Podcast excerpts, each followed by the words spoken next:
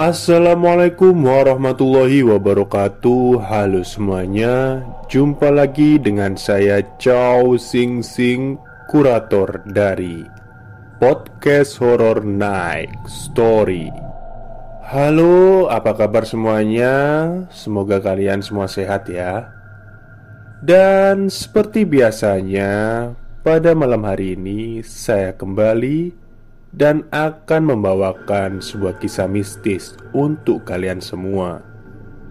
Kisah mistis kali ini datang dari seorang pekerja resto yang mengalami keganjilan atau keanehan saat beliau bekerja di sana.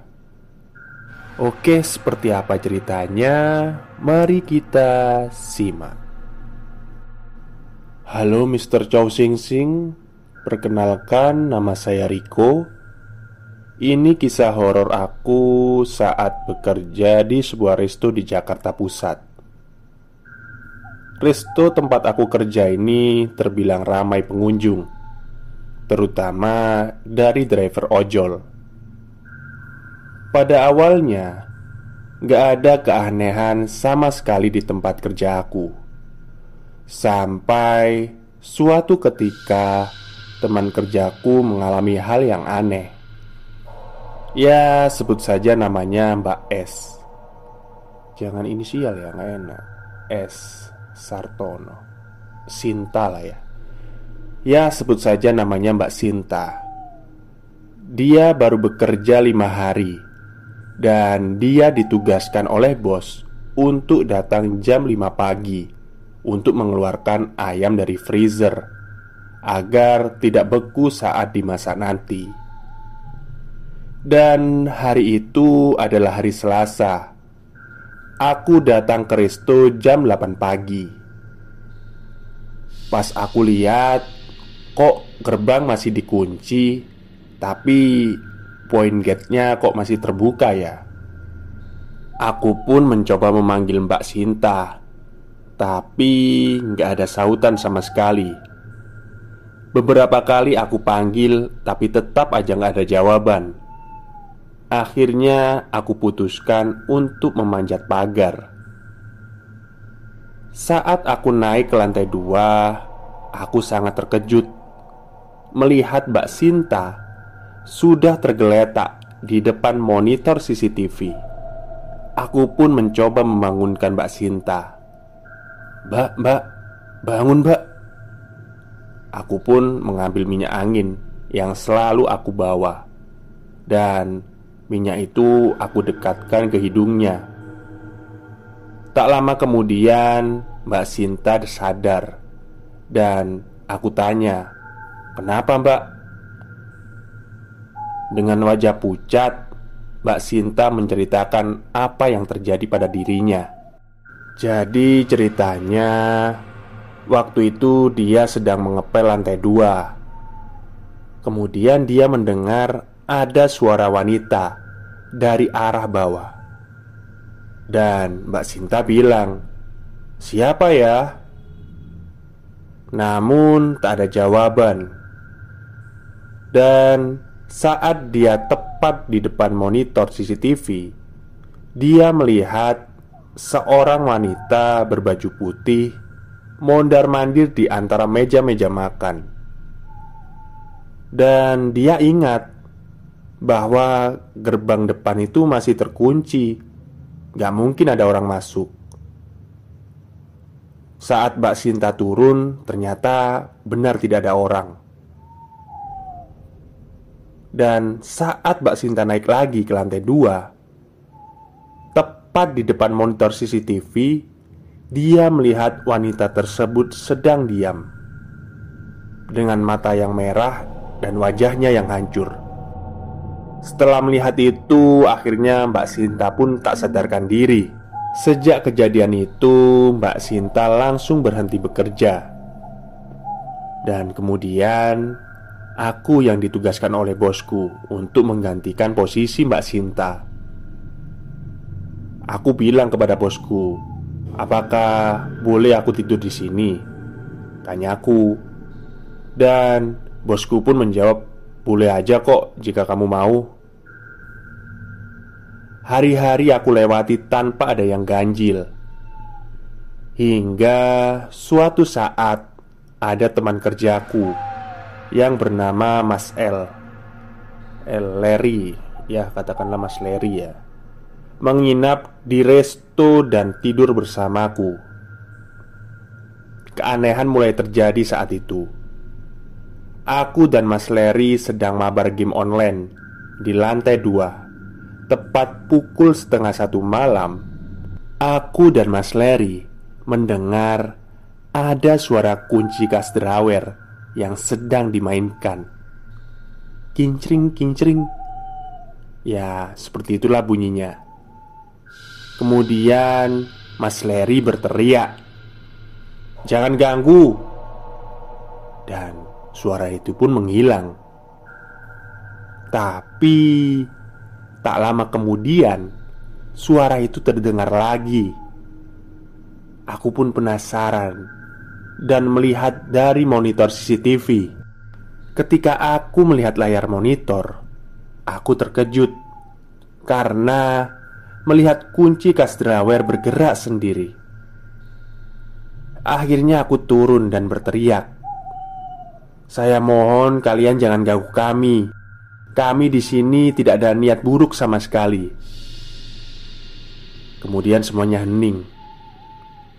Tak lama kemudian, aku dikejutkan lagi oleh suara teriakan Mas Leri. Aku langsung naik ke lantai dua dan sudah melihat Mas Leri di dapur sedang mematikan kompor. Kami pun duduk kembali di kasur dan melanjutkan game yang kami mainkan. Bisa-bisanya, tapi gangguan itu datang lagi. Kali ini terdengar suara deep fryer atau kompor yang untuk masak ayam itu berbunyi Trak trak trak trak trak trak trak. Dan kompor lain pun ikut menyala semua.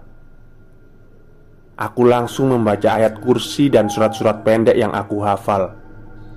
Dan kemudian aku dan Mas Leri memutuskan untuk mencabut selang dari tabung gas agar tidak terjadi hal-hal yang tidak diinginkan.